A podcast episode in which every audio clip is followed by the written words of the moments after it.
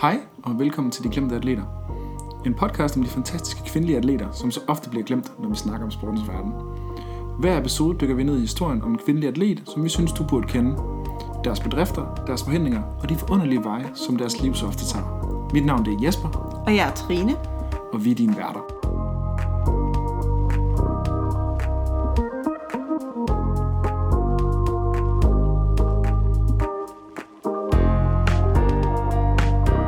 Godt nytår! Så hedder, kalder vi det 2021, og vi skal til at lave vores første episode i 21. Det er over en måned siden, at vi har øh, optaget overhovedet, så, øh, så vi har snakket, dig og mig, og jeg tænker, at øh, vi kommer til at have lidt flere nyheder, end vi plejer, fordi at, øh, der er virkelig sket meget på øh, sports- og kvindesportsfronten siden sidst. Ja, altså vi, øh, vi snakkede lidt her op til, til afsnittet, optagelsen, at øh, jeg havde helt svært ved at vælge. Hvis Ja. normalt plejer vi at køre sådan cirka en nyhed øh, per person, også fordi at det ikke er en nyhedspodcast. Men øh, jeg tror, vi prøver at lave en lille speed round i stedet for, øh, fordi at det er så længe siden, jeg har hørt fra sidst. Så for ting, der lige øh, er sket siden sidst, så apropos vores seneste afsnit, som var i starten af december, hvor at din nyhed, Trine, det var, at Sarah Fuller blev den første kvinde til at øh, dress up og spille aktivt i en amerikansk fodboldkamp i collegefodbold i USA. Så har hun nu fået sparket det første point, som er fra, gjort af en kvinde nogensinde Ikke i Power 5-konferencen. i Power 5-konferencerne. Okay. Der er andre på lavere niveau af college øh, fodbold, hvor det er sket. Men i Power 5, så er det, hvad skal man sige, de stærkeste konferencer, højst rangerede skoler, er hun den første kvinde, som har scoret point. Øhm, og det gjorde hun jo. Vil du fortælle, hvorfor Jamen- Jamen, det kom til? Jamen, det skete jo egentlig, fordi at den kamp, hvor hun jo, hvor det helt blev slået op, og at øh, Ja, det var der, jeg fortalte om, at det fik, de kommer ikke over midterbanen. de kom aldrig over, over midterlinjen, så hun fik ikke mulighed for nogensinde at score et point. De lavede jo et stort fedt æg, som gjorde, at hun aldrig nogensinde kom ind og fik sparket. Ja. Øh, men til kampen efter, der, øh, der var sådan nogle kampe, der blev aflyst og sådan ting og sager, og så til den næste kamp, de spillede, der var deres kicker faktisk tilbage. Men for at, ligesom at sige tak, så var hun stadigvæk med på rosteren, og fik lov til at klæde om, og var med. Og til et ekstra point kom hun så ud og scorede lige mellem øh, de to gule stænger, og fik simpelthen det første kvindelige point scoret i en top 5. ja, så Kæmpe stort. mega fedt, og go Sarah Fuller, og det var dejligt at følge. Der var mange øh, søde øh, ord på Twitter og andre sociale medier den dag. Øhm, så kan jeg fortælle lidt om en anden ting, som også skete i kvindesporten.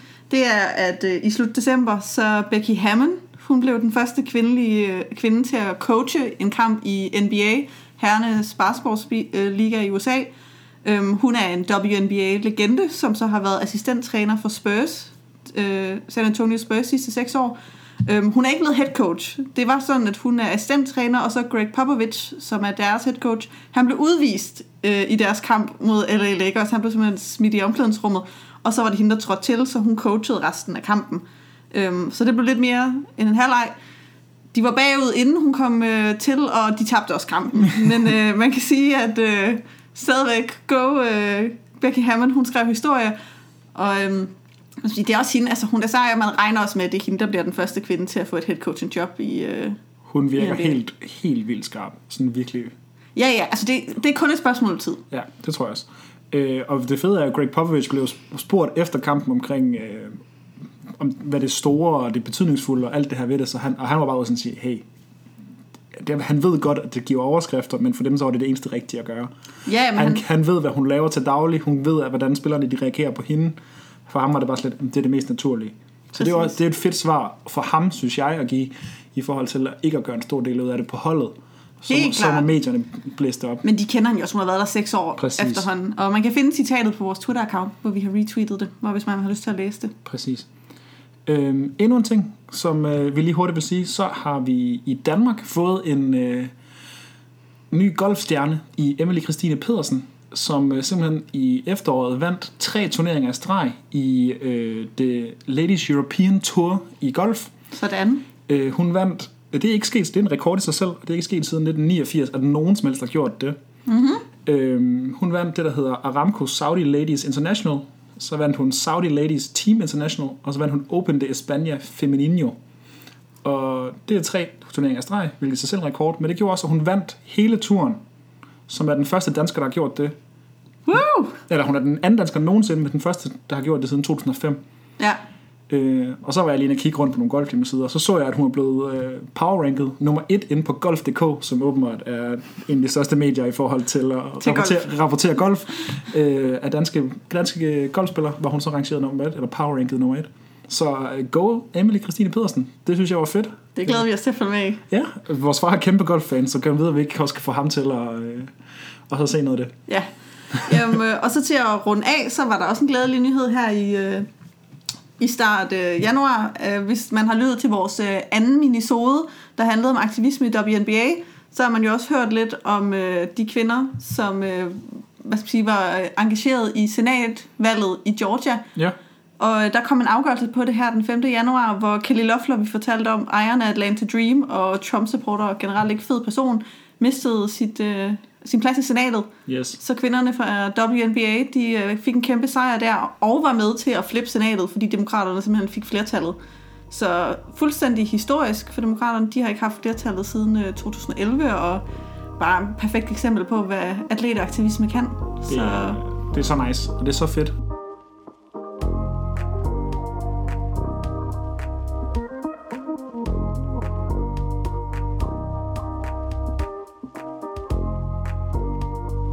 Og så er vi så nået til dagens gode historie. Øhm, og der vil jeg afsløre, at vi, jeg gerne vil fortælle lidt om øh, Billie Jean King Yes. i dag, som er en ikonisk øh, spiller inden for kvindetennisen, øhm, som jeg regner med, du har hørt om. Det har jeg. Ja, Hende kender jeg godt. Jeg kender ikke det hele, men jeg kender hendes uh, Battle of the Sexes og alle de der andre forskellige Så ting. måske headlinesene. Ja, lige præcis. Ja, øhm, og det er også her, i og med det, så ved jeg godt, vi sætter begrebet glemt lidt på spidsen her. For jeg tænker faktisk, at der måske er mange, der ved, hvem hun er, men jeg føler stadigvæk også i Danmark, der er rigtig mange, der ikke ved, hvem Billie Jean King er, eller i hvert fald ikke kender detaljerne i hendes historie. Ja. Jeg tror, at, øh, at så er det bare en, man måske ser nævnt i en artikel, og så er man sådan, nå ja, hende har jeg hørt om, men egentlig ikke ved, mm-hmm. hvem hun er og hvad hun står for. Og så synes jeg også bare, at hun er et rigtig godt sted at starte tidligt i vores podcastrejse, fordi hun på mange måder har lagt fundamentet for kvindesport. Ikke kun i tennis, men i andre steder. Altså har ledt vejen, så hun vil være en, man måske kunne referere på mange andre tidspunkter, som mange andre ser som en forgænger.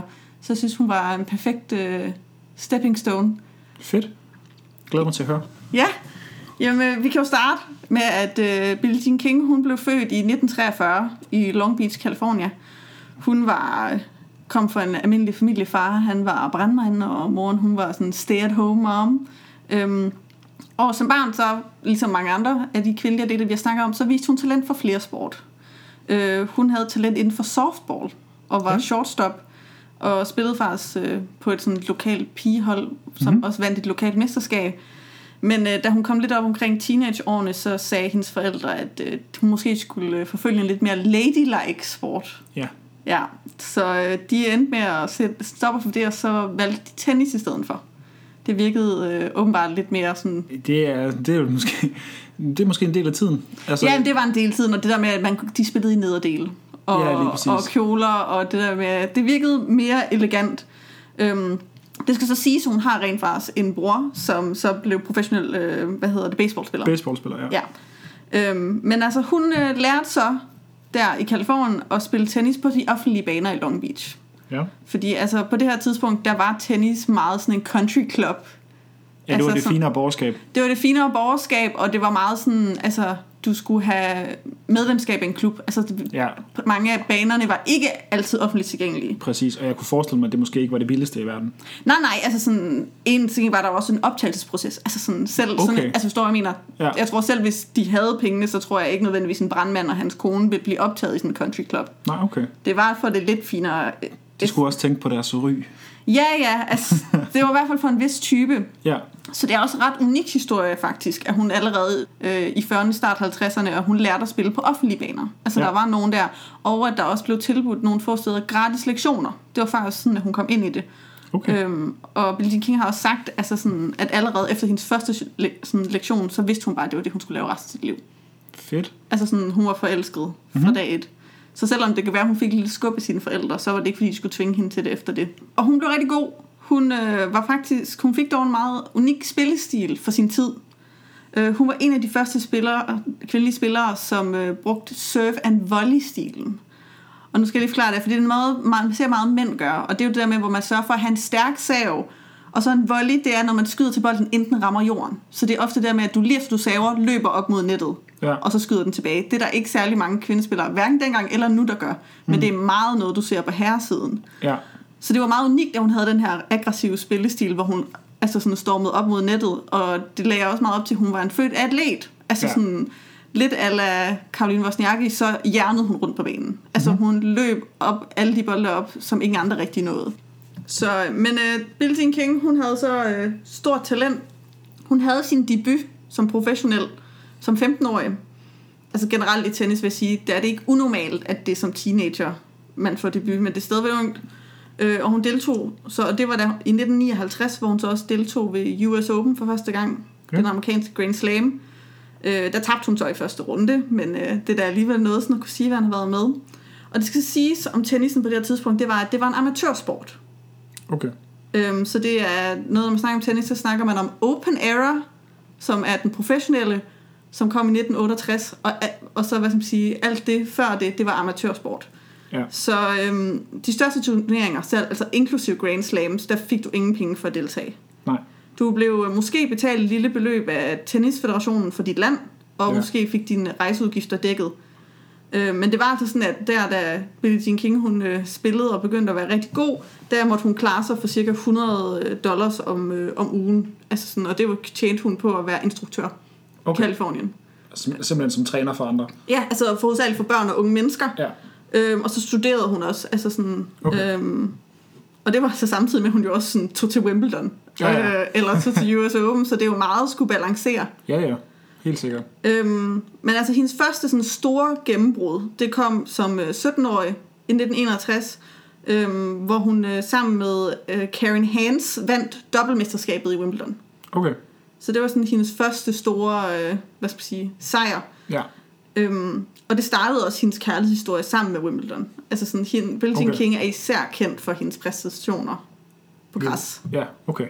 Øhm, og det viser sig også igen øh, året efter, hvor hun så til 1962 tager til Wimbledon, og så i allerførste runde skal hun møde verdensetteren af kvinderne, Margaret Court, som rangeret et, og så laver hun et kæmpe opsæt. Hun slår simpelthen som 18-årig, altså verdensetteren. Vanvittigt. Og det er aldrig nogensinde sket før af første seedet Jeg røg ud i første runde. er røget ud i første runde.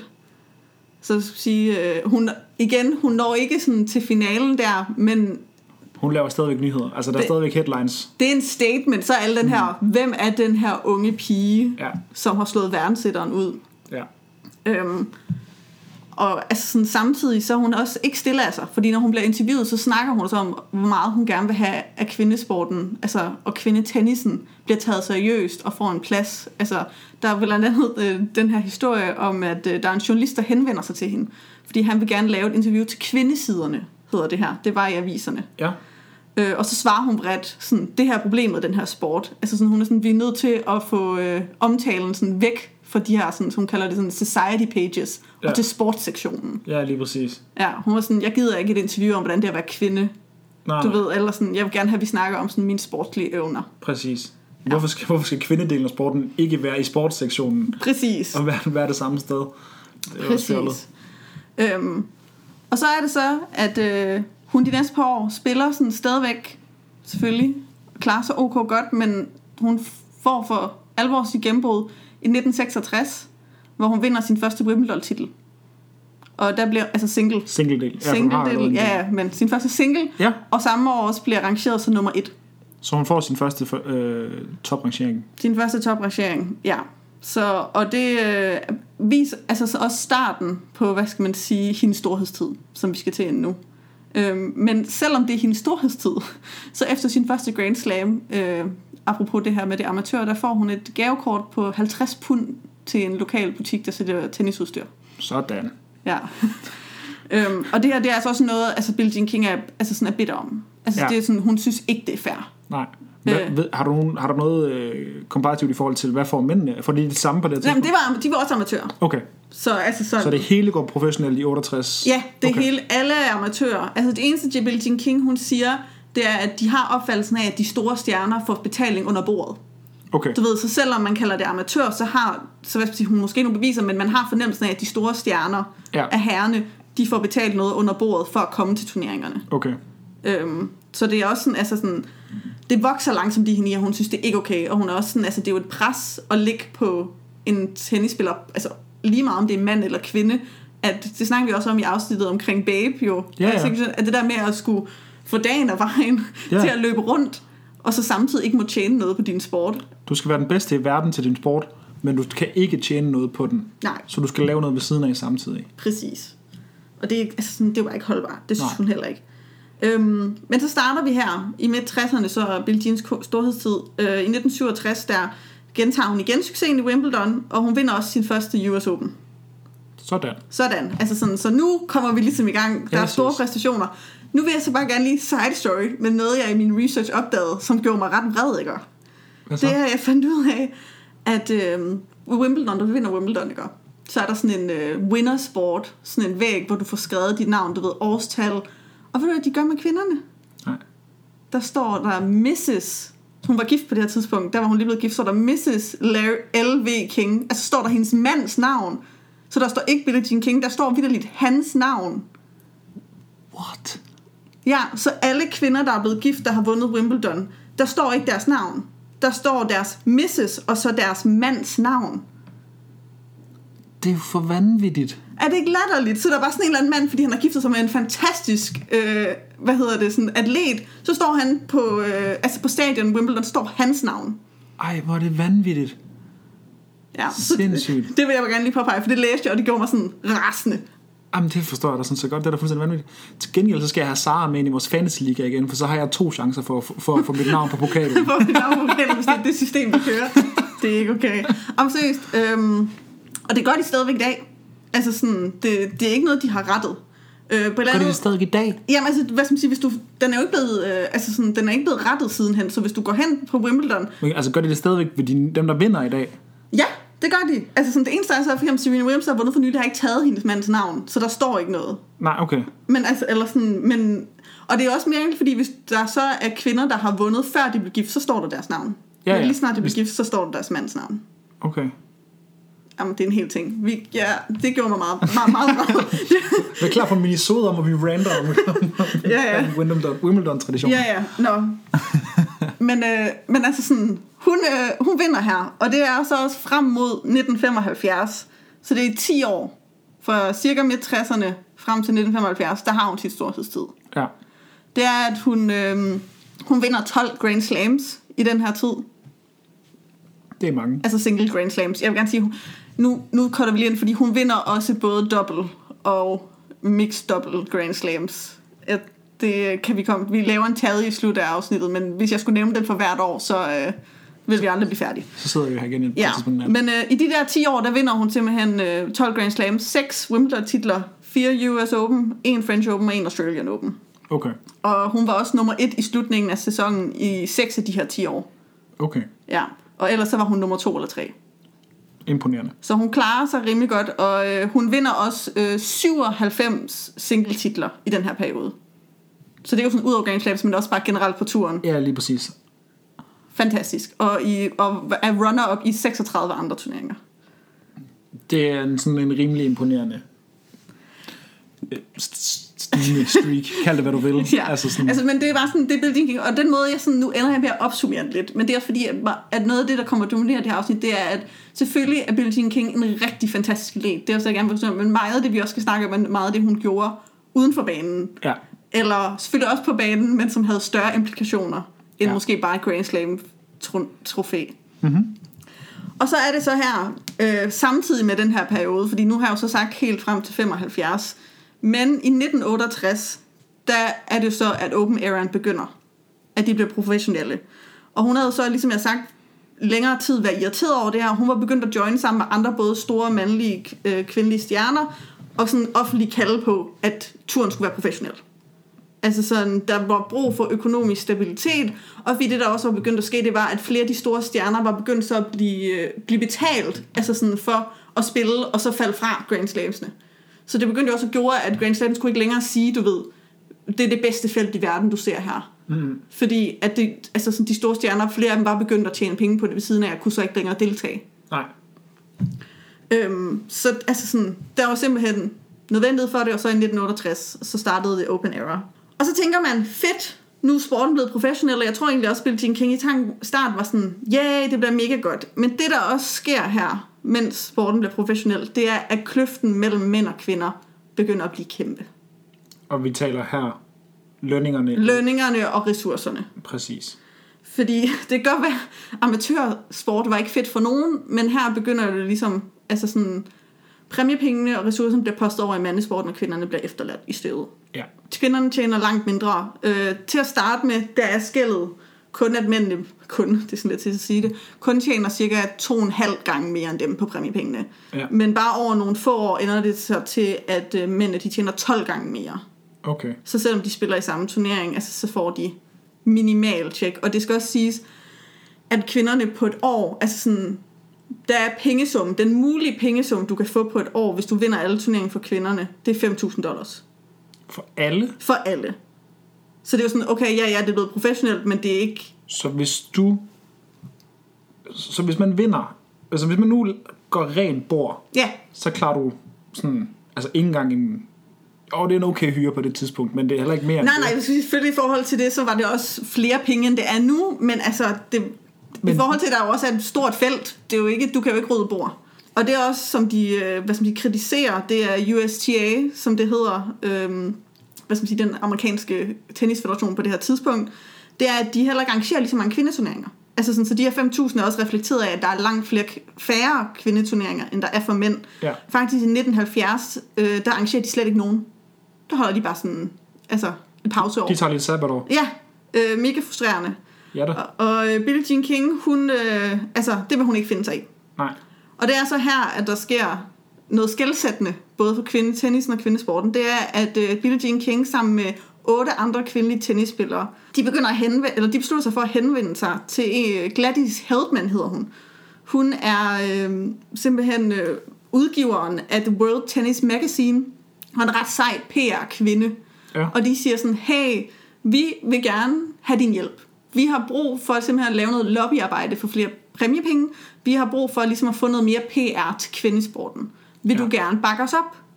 Og det vil øh, Gladys gerne, fordi hun var selv, øh, hvad skal man sige, godt nok ikke spiller selv, men hun mærkede også det svære i at være kvinde i øh, hvad skal man sige, sportsverdenen, selvom hun var lidt mere behind the scenes. Hun følte heller ikke, hun blev så, så hun var sådan, jeg gør det.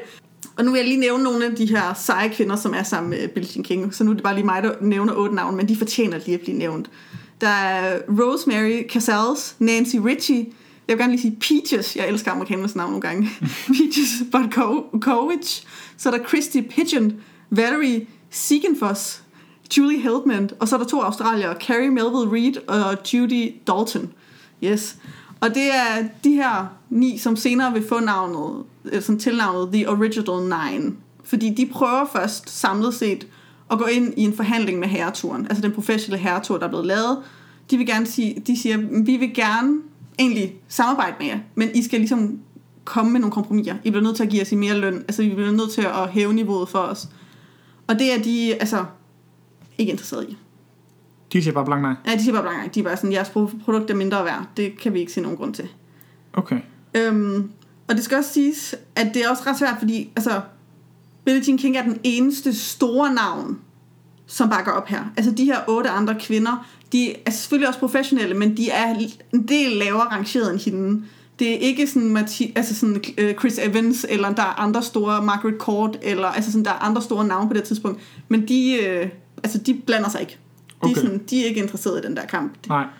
Øhm, så øh, de står lidt alene. Øhm, og det siger også, der er sådan her et citat fra Billie King, som så fortæller om det. Chris Evert, Margaret Court og Virginia Wade, de lod os udføre bane, banebrydende arbejde, og de var ikke særlig flinke over for os. Hvis du går tilbage og ser de gamle citater, så siger de sådan noget lignende. De spillede for kærligheden til spillet, og vi spillede for pengene. Altså sådan, så da vi fik, men da vi så fik opbakning af pengene, så spillede vi alle sammen, altså sådan for, for kærligheden. og, jeg, og så jeg tænker jeg lidt på, hvorfor, siger hun. Altså sådan, Ja. Så hun føler egentlig bare, at de lader være med at tage ansvar for kampen, fordi at de så kan frelægge sig hvad kan man sige, ved at sige, at de andre I bare kun spiller for pengene, jamen, så kan de ligesom blande sig udenom, og Ja. ikke tage det slag, der så skulle være. Ja, præcis. Fordi altså, det, jeg kommer til at finde ud, det er, at Bill Jenkins og den gruppe altså, de løber nogle kæmpe risikoer. Så det er helt klart nemmere for de andre piger eller kvinder i sporten at trække sig tilbage. Øhm, og det skal man sige, nu kan de mange år senere så se, hvad skal man sige, reap the benefits af, hvad de andre har lavet. Og Billie King, hun siger også selv, altså, jeg forsøgte ikke at blive ked af det, siger hun. Altså sådan, hun siger, at tilgivelse er vigtigt. Vores job var at have en stemme, og så prøve at vinde dem over. Mm. Altså sådan, så hun prøver også at sige, sådan, det større hovedbillede, så kunne hun heller ikke bruge energi på at være sure på de sådan, enkelte spillere, der ikke Der- joinede dem der i ikke var starten, med. fra Nej. starten. Det var Øhm, alligevel nice nok, at hun sådan tager the high road. helt Ja, ja. alene. Altså, i hvert fald. Gør, gør sit bedste. gør sit bedste, selvom jeg tænker, at hun godt kan være lidt bitter. Ja, selvfølgelig. Fordi det, jeg så siger nu, det er, altså, de her spillere, de satte deres tenniskarriere i fare. Øhm, fordi altså, USTA, de var indflydelsesrige. Altså, det er jo det er tennisforbundet, som der er i, altså i USA. Og de støttede dem ikke. Altså, sådan, de var meget sådan, det skal I ikke. Og vi giver ikke flere penge, så I må bare spille på vores, altså sådan den kvindetur, de havde der, og være glade, og være glade for de få penge, I får. Men øhm, det vil de ikke finde sig i. Så de Original Nine og Gladys Heldman, øh, de kigger sådan lidt, lidt over øh, programmet schedule af de forskellige turneringer, der er. Og så beslutter de sig for at gå efter turneringen, der hedder Pacific Southwest Championships, som blev afholdt i Los Angeles. Og det gør de med den begrundelse, at lige præcis ved den turnering, der bliver mændene betalt otte gange så mange som kvinderne. Så de tænker sådan, det er en god ting. Altså sådan, den kan vi bruge som sådan vores case eller vores sag. Ja.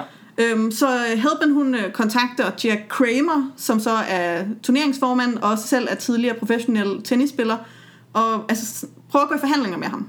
Altså, kan vi mindske uligheden mellem præmiepengene her? Øh, jeg tror, altså, sådan, til at starte med, der prøver de ikke engang at sige, sådan, vi skal have ligeløn, vi vil bare gerne have mere. Og Kramer, han nægter blankt. Han er sådan, det er der ingen grund til, altså griner om lidt ud af lokalet.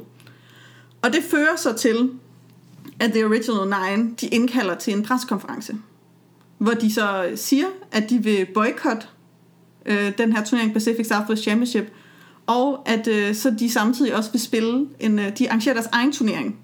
Så det er den første Virginia Slim Circuit begivenhed, som så giver en præmiesum på 7.000 amerikanske dollars, som skal afholdes i Houston, Texas. Så mere end samlet, den hele samlede præmiesum Ja, for den kvindelige tur til den ene turnering. ja, til den ene turnering. Vanvittigt.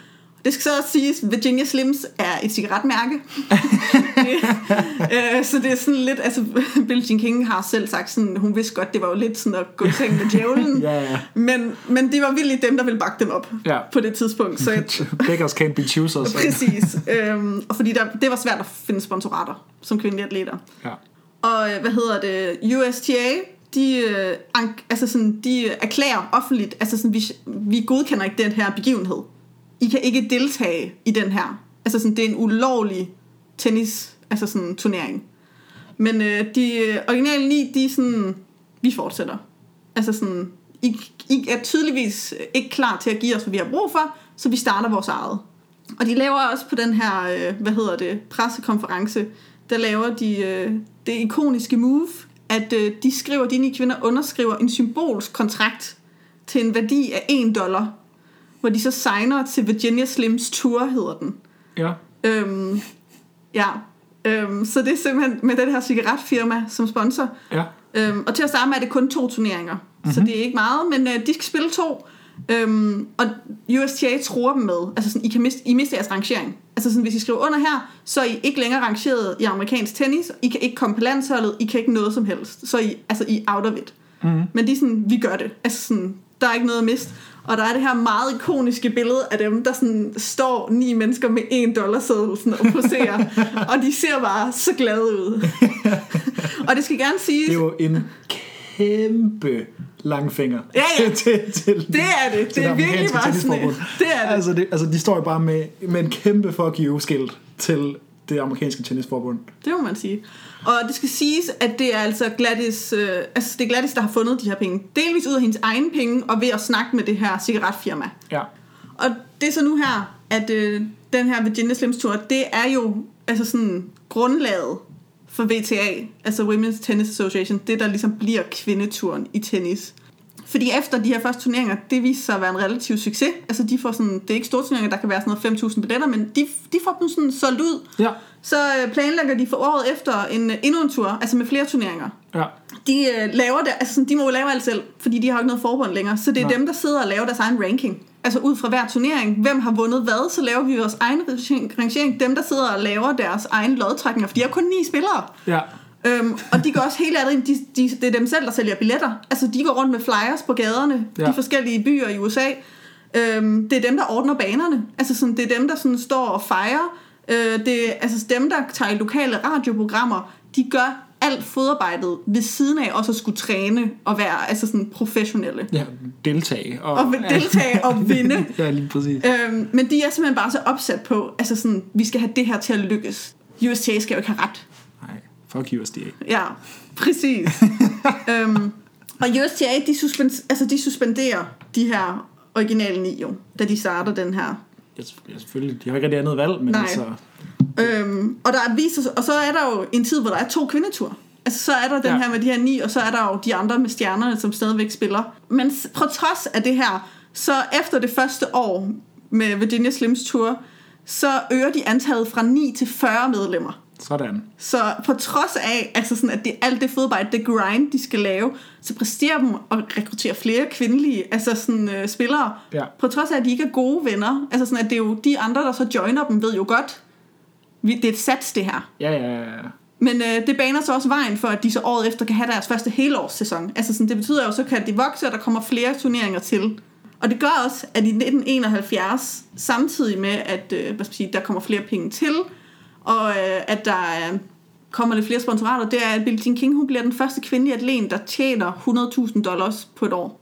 Og det er jo altså sådan, that's big money for dengang. Det kan godt være, at herrene tjener mange flere, men mm, 100.000 dollars i 71, det er mange penge. det er rigtig mange penge. Og det skal også siges, Det er hun også er mange også, penge i dag, men det var flere penge det dengang. skal også siges, hun er også toppen med den her tur. Ja, ja, altså, altså du, du, har lige sagt til mig, at hun var, et af de startede, der var hun, der var hun rangeret nummer et i verden, og, der var Ja. ikke, og de andre var ikke de største stjerner. Nej. Ergo må hun, feltet jo have været nemmere for hende, Ja. men det er jo ikke det, der er pointen. Nej, det er ikke det, der er pointen. Hun er virkelig dygtig, og hun siger også selv, altså hun prøver at sige, sådan, vi gjorde det jo, fordi vi gerne ville have, at man skulle leve af at kunne spille tennis som kvinde. Præcis. Og så det var, hun sagde selvfølgelig, var der også noget større kamp, I ville have det, fordi vi var kvinder, men noget af det var også bare ren overlevelse. Altså sådan det der med, 100%. med de krummer, de fik af herreturen, der kunne man jo ikke rigtig i det lange løb altså få det til at køre rundt. Nej. Men mindre, du skulle vinde alt i hvert fald. Det er jo det. Altså det, det viser helt præcis, bare hvis du kigger på præmiepengene for den ene turnering, det første år, hvor de havde deres egen tur, 7.000 dollars. Ja. Det kunne du ikke få, hvis du vandt samtlige, og det er jo fysisk umuligt at vinde samtlige turneringer. Ja, ja. Men hvis du vandt samtlige turneringer, vandt du ikke lige så meget. Ja. Det er jo vanvittigt. Så øh, det, altså sådan, det går fremad. De fortsætter Virginia Slims Tour, og i 1973, der øh, overbeviser hun så sine kollegaer om, at de skal danne en spillerforening. Og det er VTA, Women's Tennis Association, den som vi, hvis man følger med i kvindetennis i dag, altså det er jo dem, der arrangerer altså Grand Slams og alle turneringerne. Ja. Så den bliver grundlagt i 1973, og Billie Jean King bliver den første siddende præsident, spillerassociationen. Øhm, og efterfølgende, altså i kølvandet på oprettelsen af VTA, så i øh, 1970, der absorberer Virginia Slims Tour, så øh, altså sådan, øh, det der er ILTF's Women Grand Prix kredsløbet op, sådan bliver VTA-turen. Så de op, altså begynder ligesom at optage andre, og de ender med at merge. Altså sådan, sådan Merge hvad? altså med de andre tu- øh, kvindetours. Okay. Så nu, hvad skal man sige, er det dem, der er kvindeturen. Også USTA's? Ja, ja. Så allerede efter tre år, Allerede efter tre år, så er de hoved... Ja, så er det dem, der, så er dem, der er hovedturen. Så i tre år var der dobbelt, hvad skal man sige, tours, og så efter tre år var det dem, der blev turen. Sådan. Yes. Ret godt klaret. Øhm, om også bare sådan at kunne kigge på USTA og være sådan, ha, Ja, lige præcis. we did it.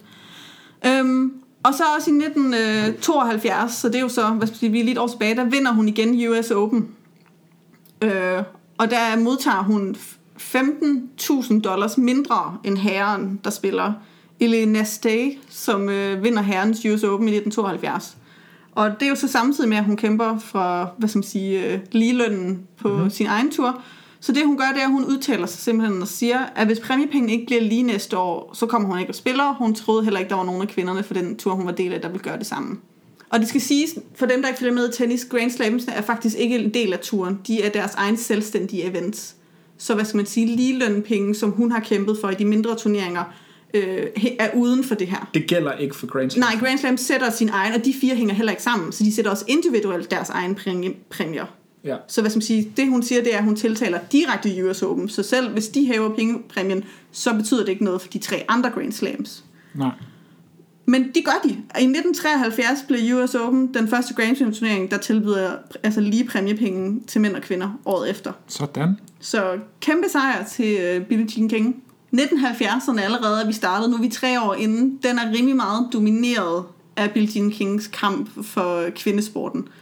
Øhm, det er også nu her, vi skal over til noget af det, som du nævnte tidligere i vores intro, Battle of the Sexes, som noget af det, hun er rigtig kendt for. Øhm, det er nemlig, at mens alt det her sker, kvindeturen bryder ud, så er der en øh, mand ved navn Bobby Riggs, som er, en fem, er 55 år. Øhm, han har selv været øh, herre-tennisspiller i 1940'erne, har vundet nogle Grand Slams, men på det her tidspunkt er han lidt afdanket sportspersonlighed. Øhm, han kan rigtig godt lide at gable, han kan rigtig godt lide at leve livet fedt. Og øh, han øh, vil stadigvæk gerne have noget shine. Altså han, sådan, han kan godt lide at være i spotlightet, men mangler det lidt. Og så ser han jo her kvindeturen, der vokser frem. Det er også generelt kvindebevægelsen i USA som stor ting. Og så tænker han, ved du hvad, jeg udfordrer den bedste kvindespiller. Så han udfordrer til at starte med Billie Jean King. Hun takker nej. Altså på det her tidspunkt, hun er sådan, det kan hun ikke se nogen fidus i. Nej. Øhm, men han bliver ved med at gå ud, altså sådan lave selv. Han siger, kvindetennisen er underlegen, og han selv i sin alder, du ved, jeg kan slå den bedste. Han kalder også sig selv for en mandsjuvenistisk gris. Altså sådan, han spiller den virkelig op, sådan tusind interviews og provokerende udtalelser. Øh, og det præsterer ham så øh, at få overtalt Margaret Court, som jo så, hvad skal man sige, også var hende, vi snakker om tidligere verdensætter, som Billie Jean King, og stadigvæk ligger i toppen nu her, øh, men var også en af dem, der ikke joinede The Original Nine, men han får overbevist, altså overbevist Margaret Court til at spille en kamp mod ham. Ja. Og de spiller mod hinanden på morsdag i 1973, og der vinder han i to sæt Okay. og slår hende. Og som Billie Jean King, hun siger det, det er, at sekundet, hun så, at det var sket, så var hun sådan, fuck, nu bliver jeg nødt til at spille mod ham. altså, hun var sådan, det kan jeg jo ikke lade stå. Altså, Nej. sådan, der, hun var sådan, øhm, altså, fordi hun ved bare, altså, det er for vigtigt, fordi at hun siger, altså, hun kæmper jo for at altså sådan bevise, at kvindetennis og kvindeturen kan bestå, Ja. og det nytter ikke, altså, så kan det ikke, fordi han, det han gør, han kører jo bare ud og håner helt vildt. Altså han Mm. laver jo sagt sådan pressekampagner om, at ja, jeg har slået en af kvindetennis topspillere, så hun, øh, hun takker ja til hans udfordringer. Han, han er jo som sagt 55, hun er 29 år. Altså sådan, så udover at det er en kamp på tværs af køn, så er det jo også en altså, kamp på tværs af generationer, vil man sige. Ja.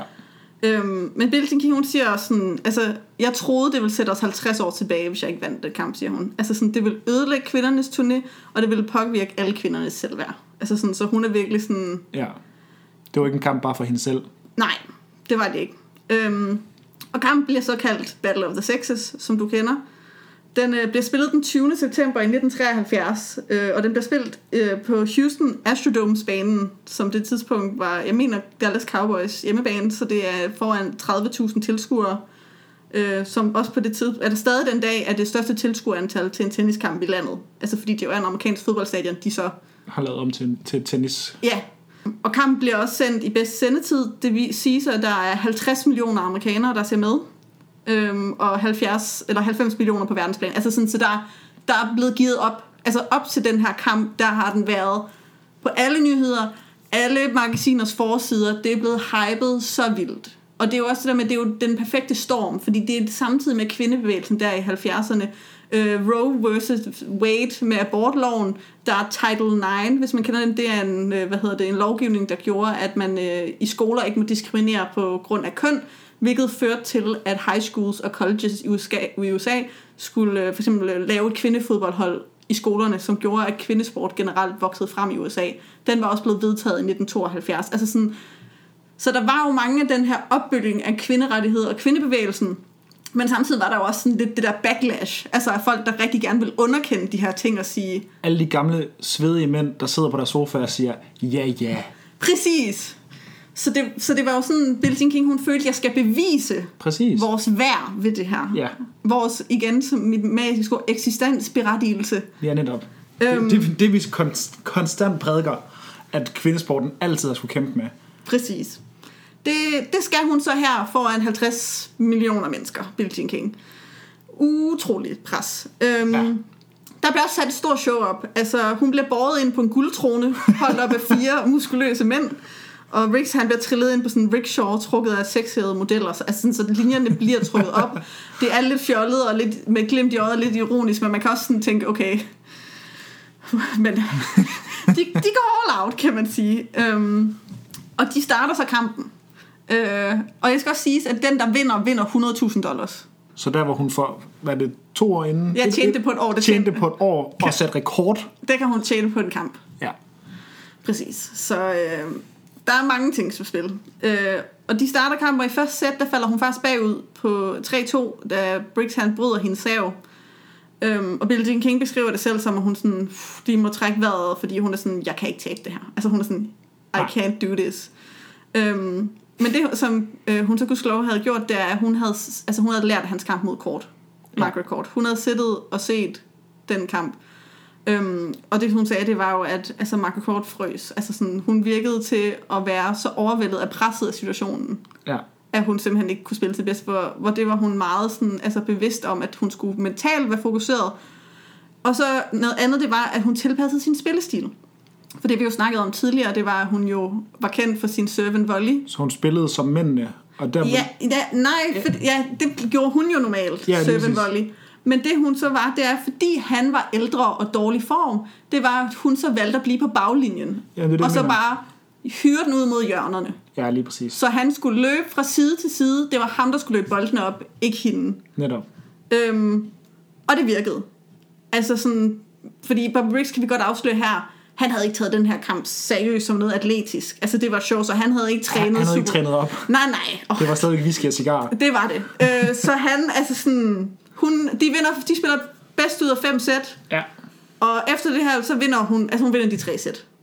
Hun Så- vinder 6-4, 6-3, 6-3, og vinder kampen overbevisende. Sådan. Det er en utrolig bedrift, men Billie Jean King, hun siger også selv, hun vil gerne adskille de to bedrifter der, fordi hun siger, i forhold til en atletisk bedrift, siger hun, det var ikke en særlig stor atletisk bedrift. Altså hun Nej. var sådan, der, altså sådan, hun synes ikke selv, at hun skal have ros for at have slået en En 55-årig mand, fordi hun synes ikke, han var god, og det var ikke nogen til god tenniskamp. Men hun siger, at det var en stor social altså sådan bedrift og politisk bedrift, for det den betød for den større helhed. Ja. Fordi altså sådan, der er meget af det, jeg har læst, de kalder den en af de største begivenheder altså i amerikansk sportshistorie, og især inden for amerikansk altså kvindesport. De sætter den på samme niveau som sådan Title 9, altså loven, eller Women's World Cup i 1999. Altså sådan, det er noget af det, der nævnes. Øhm, Billie Jean King har selv citat, hun siger, at jeg ved, den dag jeg dør, så er der ingen til min begravelse, der vil tale om mig. De vil alle stå og tale om, hvor de var den aften, jeg slog Bobby Riggs. altså sådan, hun ved godt, Jamen altså, sådan, Altså sådan- sådan, når, når, når nogen gør noget, som er, bety- som er sådan betydende for ikke bare dem selv, men for en større helhed, så kommer det til at blive kendt for det. Og så, og så jeg vidste jo ikke, hånden på hjertet, jeg vidste ikke, hvor god en tennisspiller hun var. nej nej, Jeg vidste, at på det tidspunkt, hun spillede mod Bobby Riggs, der var hun højst sandsynligvis verdensetter. Øh, fordi at jeg vidste, at han udfordrede den bedste i verden. Fordi jeg kender lidt omkring den historie. Men at hun har vundet 12 single grand slams, og sådan af den stil, og hvad hun har gjort yderligere, startet WTA og alle de her ting, det vidste jeg ikke. Nej, det anede du ikke. Nej. Men det er jo også det, hvor hun, altså, hvor jeg tror, hun har også måtte affinde sig med. Altså, så, ja. Ja. det er jo lidt en, en blandet legacy, eller sådan at have eftermæle at have, fordi lige mange hvor store kampe, hun har vundet, så den kamp, hun vil blive husket for, er en, mod en 55-årig mand. På whisky og cigar. Ja. Men, men det er jo sådan, det er, fordi altså sådan, Ja, det, det betød noget på det tidspunkt. Fordi det bekræftede, at kvindesporten altså, var kommet for at blive, og det fortjente. Og selvom vi godt kan grine af at sige, kunne den kamp virkelig bevise det, fordi det virker så fjollet, men det gjorde den. Altså sådan, plus en anden ting, som der var, det var, at øh, ironisk nok, så, som der også er en, der citerer, en af hendes kollegaer, der citerer den for, det er, der er ingen anden herre tennisspiller, der har gjort så meget for kvindetennisen som Bobby Riggs. Ja. Fordi det var jo et kæmpe PR-stunt. Ja. Lige efter de havde startet deres tur, Det puttede dem foran 50 millioner amerikanere. Hun blev et household name. Altså, de kunne ikke have købt det for penge. Det var sådan... Det hjalp jo helt vildt meget på turen. Jamen altså bare, altså se, altså, jeg ved ikke en, en, det mindste om kvindetennis, eller jo noget omkring i dag, men ikke historien om kvindetennis. Nej, nej. Men jeg ved, hvem Billie Jean King er. Ja, men det var det. Øhm, så altså sådan, ironisk nok, så Bobby Riggs, han øh, var med til at stedfæste kvindetennisens, altså, Så en af de fede afdankede mænd, måske ikke så fede, men en af de afdankede mænd, der sidder på sofaen og siger, ja ja, han, Ja. han var med til at rykke kvindetennisen fremad det var han. flere årtier. Øhm, og Billie King, hun siger også selv om det her, altså hun siger, jeg vil hjælpe kvindebevægelsen, og det gjorde jeg. Jeg vil hjælpe Virginia Slims turen med at blomstre, og det gjorde jeg. Og jeg vil hjælpe mænd og kvinder med at forstå hinanden bedre, og det gjorde jeg. Ja. Altså sådan, så hun er jo meget bevidst om, at sådan, det var på flere lag, det betød noget. Kæmpe ting at blive, øh, at blive husket for. Øhm, og samtidig ved det her, fordi så vil jeg så skal lige nævne, hun er altså en travl kvinde på det her tidspunkt. Gør. Ja. En ting er, at det er hendes storhedsperiode, vi snakker om her, jo 1973. Det er jo der her omkring, hun er, det er slutningen af hendes storhedsperiode, men det er her, hun piker. Det er i 1973, hun har også lige startet en tur, hun har startet en spillerforening. I 1974, der starter hun også Women's Sports Magazine, som er det første altså magasin i USA, dedikeret udelukkende til kvindesport og kvindeatleter. Kvindelige atleter. Ja. Øh, fordi hun simpelthen mente, der er ikke nok Der er dækning. ikke nok dækning, så må, der, så må man jo gøre Så det selv. det egner. Det kender vi jo. Ja, det siger det, det, det, Så må man jo gøre det selv. Så må man gøre det selv. Det gjorde hun. Øhm, og det, drik, altså sådan, det magasin, det dækkede, hvad skal man sige, hver afsnit, eller sådan udgivelse, en bred række af sporte og atleter. Øh, og det kørte faktisk helt ind til år 2000, øh, mm. hvor det så blev opkørt af Condé Nast, som er sådan en stor magasinudgivelse, og er nu blevet en del af bladet Self. Så hvad skal man sige, det er blevet lagt sammen med nogle andre øh, Ja. blade. Men altså, det er alligevel mange år at køre et magasin ved siden af, at du er sige. aktiv verdensstjerne. Plus hun samtidig også i 1974 grundlægger The Women's Sports Foundation, som også er en organisation, som er dedikeret til at fremme og forbedre atletiske muligheder for kvinder. Altså sådan, så det er jo bare en vild ting at tage på sig. Altså sådan, det er bare at prøve at komme frem til, at altså hun siger også selv, at 70'erne var udmattende for hende. Altså hun var sådan, altså sådan, fordi hun tog så meget på sig i forhold til både kvindetennis og kvindesport generelt. Ja. Altså sådan, hun skulle være meget for alle mulige mennesker. Og så kommer der et lag på det nu her, fordi altså, hun fortsætter øh, efter det her. Øhm, jeg kommer ikke til at, at sådan vildt dykke ind i perioden herefter, men hun begynder at spille, vi kommer op i 80'erne nu, start 80'erne, øh, hvor Billie Jean King, hun er 38, og hun er ikke længere en top singlespiller, men hun er en top dobbeltspiller. Altså mm-hmm. sådan, det er noget, hun fortsætter med længe og er god til, og vinder også stadigvæk Grand Slams i mixed double og double. Øh, men så i 1981 sker der noget andet, som er ret skældsættende øh, for kvindesport og bare sport generelt. Det er, at hun den 29. april 1981 bliver sagsøgt af sin tidligere elsker, Marilyn Barnett. Øhm, og det vil sige, at de her søgsmål, der beskriver Barnett, som er en kvinde, hendes mm-hmm. syvårige forhold til Billie Jean King. Så det, der sker, det er, at Billie Jean King simpelthen bliver outet. Og dem, der ikke kender det udtryk, det er jo, når nogen så, hvad skal man sige, fortæller, at du er homoseksuel eller LGBT-person mod din vilje. Ja. Øhm, hende, øh, Marilyn Barnett, hun sagsøgte, fordi hun mente, hun havde ret til halvdelen af Billie Jean Kings formue for de her syv år. Øhm, fordi hun var selv blevet delvis lam efter et fald. Øhm, og øh, det, altså sådan, til at starte med, der afviser Billie Jean King det. Altså hun er til en turnering og udgiver en pressemeddelelse, hvor hun bare benægter det blankt. Og sådan, det kan jeg ikke. Øhm, men kort efter det, så øh, mødes hun med hendes advokater og sådan en PR-person, som er sådan, øh, du skal, altså sådan, du skal afvise, du skal afvise blankt. Og så er hun selv sådan, det kan jeg jo ikke, fordi det er jo sandheden. Altså hun mm. er sådan, det, jeg har haft et forhold til hende i syv år, og hun tænker meget over det. Og, og hun har jo sin mand, Larry King. Øhm, men sådan som det lyder til det, så ved, altså Larry King, har, det er ikke en overraskelse for ham, han har kendt til det her forhold, fordi hun har boet sammen med dem. Okay. Øhm, altså sådan, det har været åbenbart en- en del af deres forhold længere tid, at hun, altså sådan, og de har også været ved at skille sig og alt muligt. Det, det, er en, det er en længere historie, men altså sådan, for ham er det ikke overraskende, og han går faktisk ud og bakker hende op og siger, jeg synes, du skal sige sandheden. Altså sådan, jeg, sy, jeg, synes, du, jeg synes, du skal sige det. Så der er 48 timer, hvor hun bruger tid på sådan lidt at skændes med sit bagland om, hvad hun skal gøre. Så den 1. maj, så bliver hun så den første professionelle kvindelige atlet, øh, som fortæller, at hun simpelthen er, er homoseksuel. Ja. Øhm, selvom det på det tidspunkt, det der er interessant, det er, at der siger hun jo ikke, at hun er homoseksuel. Altså sådan, der siger hun bare, at jeg har haft en affære med en kvinde. Ja. Øhm, hvilket så også altså, sender rystelser øh, igennem sportsverdenen. Øh, New York Times, jeg læste en artikel fra den gang, som beskriver det som øh, et tilbageslag for kvindelige spillere, øh, der har gjort enorme fremskridt det sidste årti. Øhm, så det er jo også det, der er med Billie Jean King. Det er jo grund til, at hun heller ikke tager det på sig. Altså sådan, hun, hun omtaler det bare som, at jeg har haft en affære med en kvinde. Hun siger ikke, jeg er homoseksuel. Det er jo, som hun selv beskriver det sådan i bagklogskabens lys, det var, hun sagde, det var jeg ikke klar til. Nej. Det var altså sådan, det var stadigvæk kæmpe taber. Hun var sådan, jeg har lige i 70'erne Ja. kæmpet så meget med, hvad skal man sige, at skulle være forbillede for bare kvindesporten. Og hun ja. var sådan, jeg er ikke klar til at tage endnu en sag på mig. Også fordi hun også bare selv sagde, at hun altså sådan, selv Hun var var- skam, skamfuld, og ikke, altså Ja. sådan, det kunne hun ikke altså sådan overskue. Nej. Øhm, så det, der egentlig er lidt interessant, det er jo, at sådan, øh, hun bliver sammen med sin mand, Larry King. Altså sådan, Okay. de, de bliver sammen. Øh, og det er egentlig noget, som de sådan i en årrække, hun bliver spurgt ind til interviewet om, men bare sådan siger sådan, ja, jeg har haft forhold med en kvinde, det var en fejl, at jeg var min mand utro, men holder det ved det? Altså sådan, Ja. Øhm, og hun vinder retssagen øh, og skal ikke udbetale øh, nogen penge.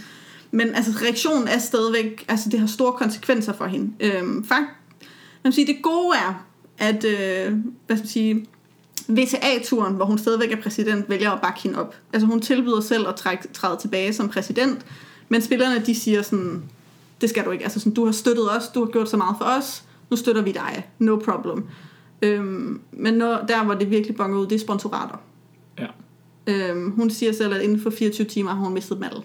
Så hun taber det, til der svarer til en indkomst på 2 millioner. Sindssygt. Ja. Altså, for tiden, så er det, er det sådan, altså, hvad, hvad, kunne man forvente? Altså, det er jo, Ja, ja. det er jo for vanvittigt, at det skal være sådan.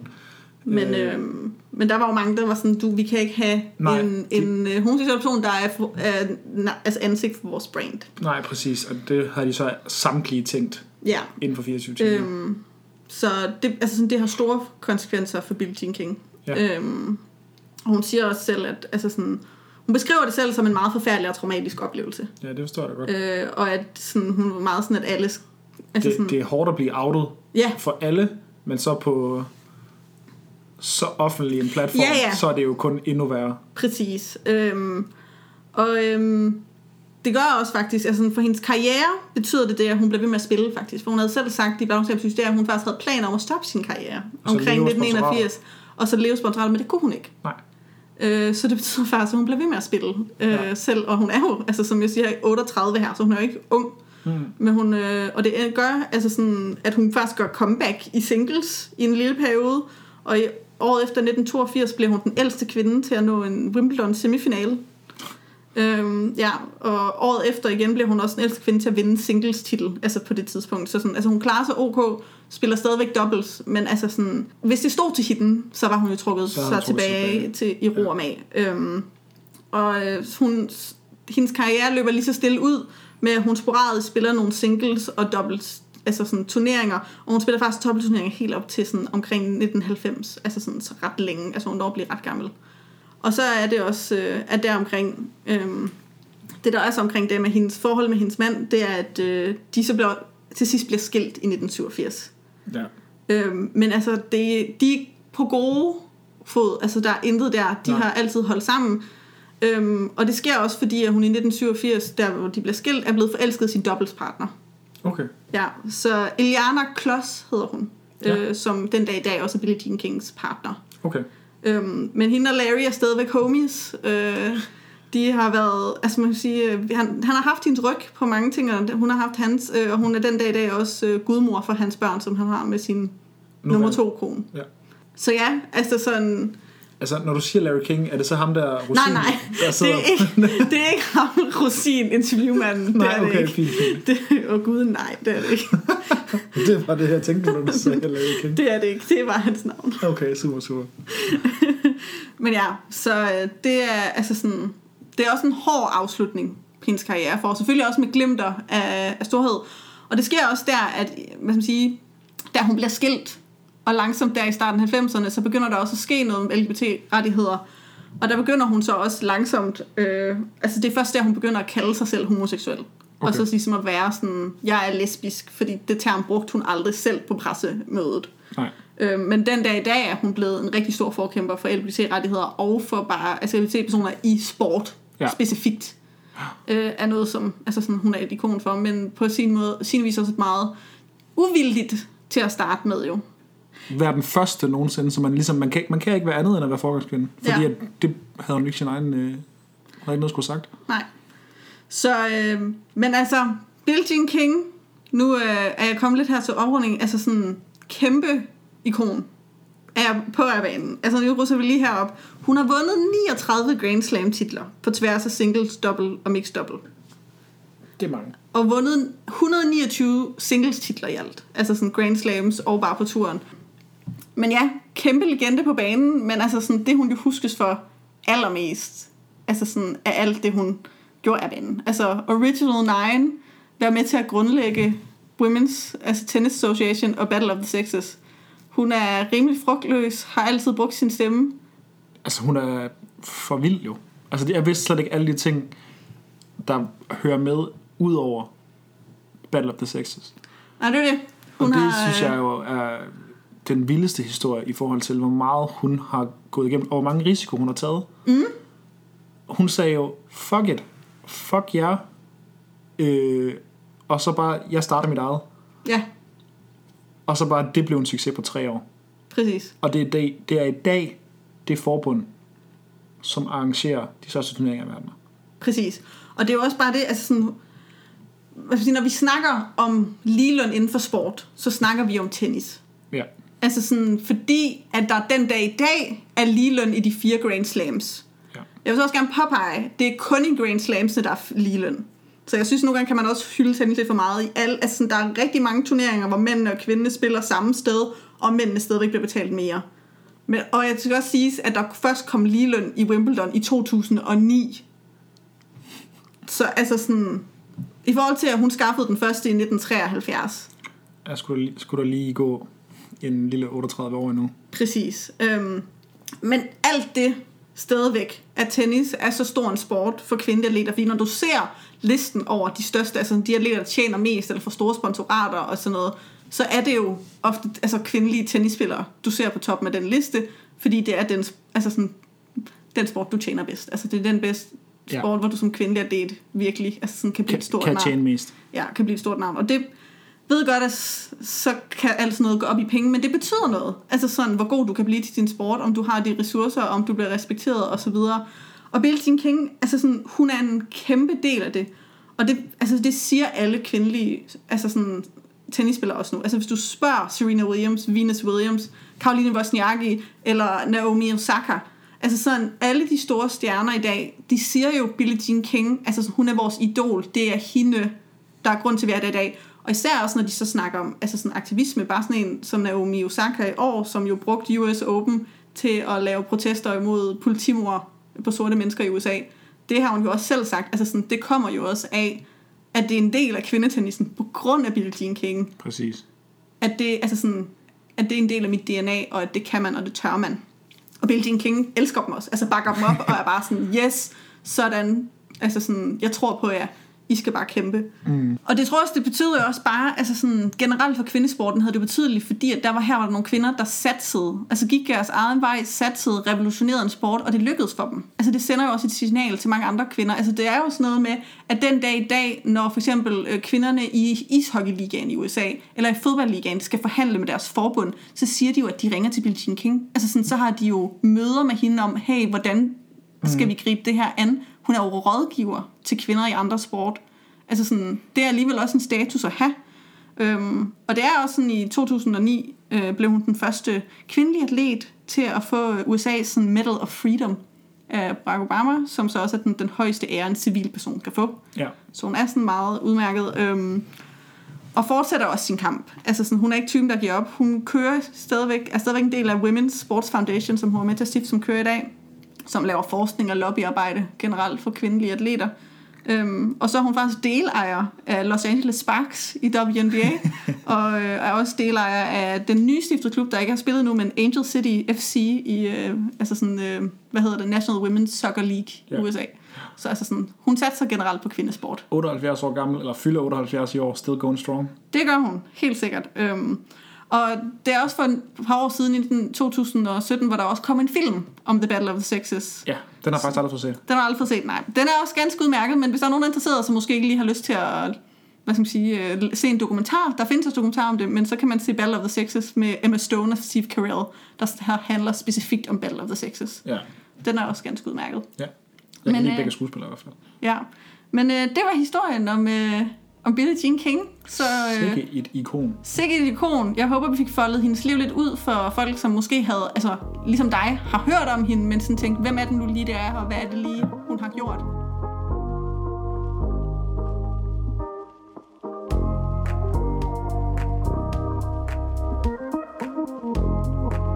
Nu er det tid til uh, ugen Serena, hvor vi lige prøver lige at give en lille anbefaling på noget fedt, vi har lavet siden sidst. Og der er jo gået meget tid, så vi har nok nået at lave en masse. Der burde være noget at råbe come on om.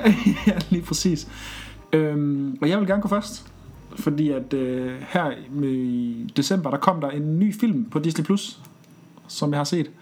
Og det er den nye Pixar-film, Soul, eller da- dansk hedder den Sjæl. Mm. Øhm, og jeg har jo det princip, at når der kommer noget nyt fra Pixar, så, så skal jeg se det. Så er du der. Så er jeg der. Jeg synes, det er direkte fremragende nærmest hver gang. Øhm, og øh, jeg synes, den er, den er god. Den er fremragende. Den handler om en, øh, en mørk mand, der spiller øh, jazz i... Øh, New York? ja, jeg, tror, jeg skulle lige sige, det er New York. Jeg skulle lige sige New Orleans, men det er blues, og det er heller ikke den film. Men han spiller i er det er New York, hvor han øh, er skolelærer og drømmer om at blive stor jazzmusiker. Og så øh, dør han. Og så det kan han sgu ikke lige finde sig i. Så han prøver at Så skal han sjæl ud på en rejse. skal han sjæl ud på en kæmpe rejse, og den er, øhm, den er sød. Den får en til at føle med små blå prikker, og på anden vis øh, får en til at tænke over de forskellige ting, som gør en glad. Pixar-film kan altid gøre, at man sådan lidt får en eksistentiel krig. Ja, lige præcis. Hvem er jeg? Hvor Lige kommer præcis. det fra? Da jeg så, hvad hedder den, Inside Out, der sad jeg sådan bagefter sådan, og bare sådan mærkede mig selv. Åh, oh, oh, oh, oh. Det, sådan, det, det her det er sådan lidt en, øhm, det samme tråd, kan jeg altså. Jamen, altså, jeg, jeg synes, den var, jeg synes, den var fremragende. Mm. Jeg, jeg, jeg havde lidt med, at den er jo markedet til børn, og jeg ved ikke om... Altså, Om børn vil fatte den. Nej, altså i hvert fald måske ikke, men sådan er det jo tit med Pixar-filmer. Der er i hvert fald ekstra lag til voksne også, men jeg, jeg ved bare ikke, om det ekstra lag i den her film er ekstra stort. Nej. Fordi at, øh, jeg synes i hvert fald, at den var øh, meget, meget dyb og dybere end nogle af de andre. Så jeg synes, den var, jeg synes, den var god. Det synes jeg virkelig, den var. Og noget andet, det jeg vil sige, det er, at øh, hvis vi lige vender det positive foretegn om, som vi altid snakker om, når vi har ugen Serena, Serena kan også nogle gange råbe come on, når hun er vred. så har jeg en øh, anti-Serena. Ja, Øh, og det er den nye Mulan-film. og den var dårlig. Den var rigtig dårlig. Nå. Den var, øh, den, altså, den, den er Så, ikke så du er sådan en kampagne, sådan, don't, don't watch it til folk. ja, agtigt. Altså, fordi at normalt så øh, er jeg sådan lidt, jeg synes, at Disney laver nogle gode film, men det her, det er ikke en Disney-film. Nej. Det er en, det er en halvdårlig øh, kinesisk, øh, sådan, hvad hedder det, tiger, i- hvad hedder den, tiger på spring, drag i skjul, eller hvad den hedder. Omvendt. Ja, Nå, den er Øh. ellers ret god. Det er god. Det er bare en dårlig en af den. Okay, så Øh, fair nok. Så det er sådan, altså det er ikke en rigtig en Disney-film. Det er en, han, egentlig bare sådan en kinesisk kampsportsfilm, dårligt lavet. Okay. Nå, ærgerligt. Ja. Ja. Så går går vi til noget øh, godt igen. Det er, en, øh, det er en god sandwich. Ja, det er en god sandwich. Så har vi øh, min uge, Serena. Jeg sidder lidt, for jeg har faktisk lige sådan to små ting. Ja. Altså sådan, øh, den ene er øh, en bog, jeg har læst, der hedder Game Set Match, Billie Jean King and the Revolution in Women's Sports af Apropos. Susan Ware. Ja.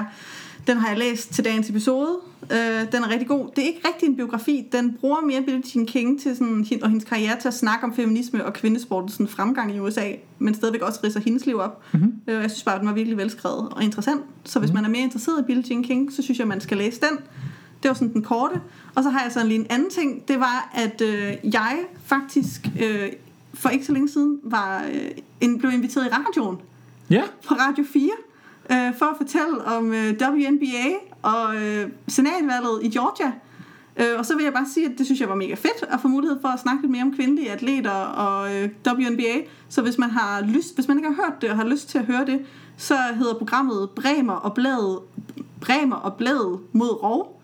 Øh, og man kan finde det på podcast. Det er deres afsnit fra den øh, 8. i første. Afsnittet hedder Basketball giver demokraterne sejren i Georgia. Og lad mig, jeg vil lige indskyde noget her, fordi at ikke nok med, at det program faktisk overraskede mig helt vildt positivt. Jeg har aldrig hørt det før.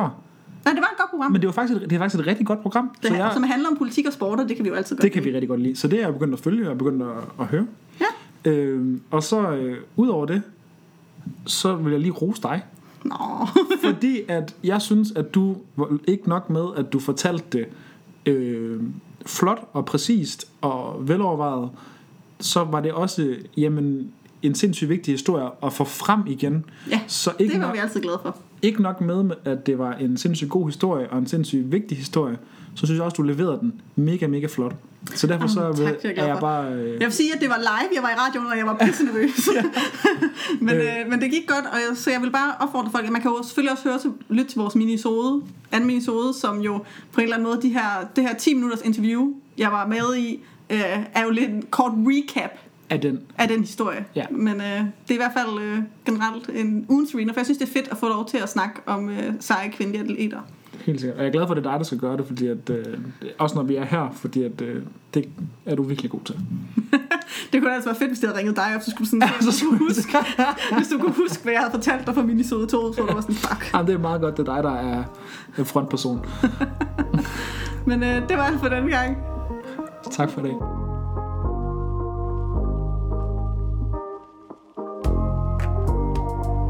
Tak fordi I lyttede med. Lige nu lytter du til vores kendingsmelodi af Laurits Frølund Mortensen. Øh, Du kan finde kilderne til afsnittets historie i afsnittets beskrivelse. Og hvis du kan lide, hvad du hørte, så abonner endelig og efterlad en anmeldelse i Apple Podcast. Du kan finde os på Instagram og Twitter under De Glemte Atleter, og vi hører meget gerne fra jer. Mit navn det er Jesper, Jeg er Trine. og tak fordi I lyttede til De Glemte Atleter.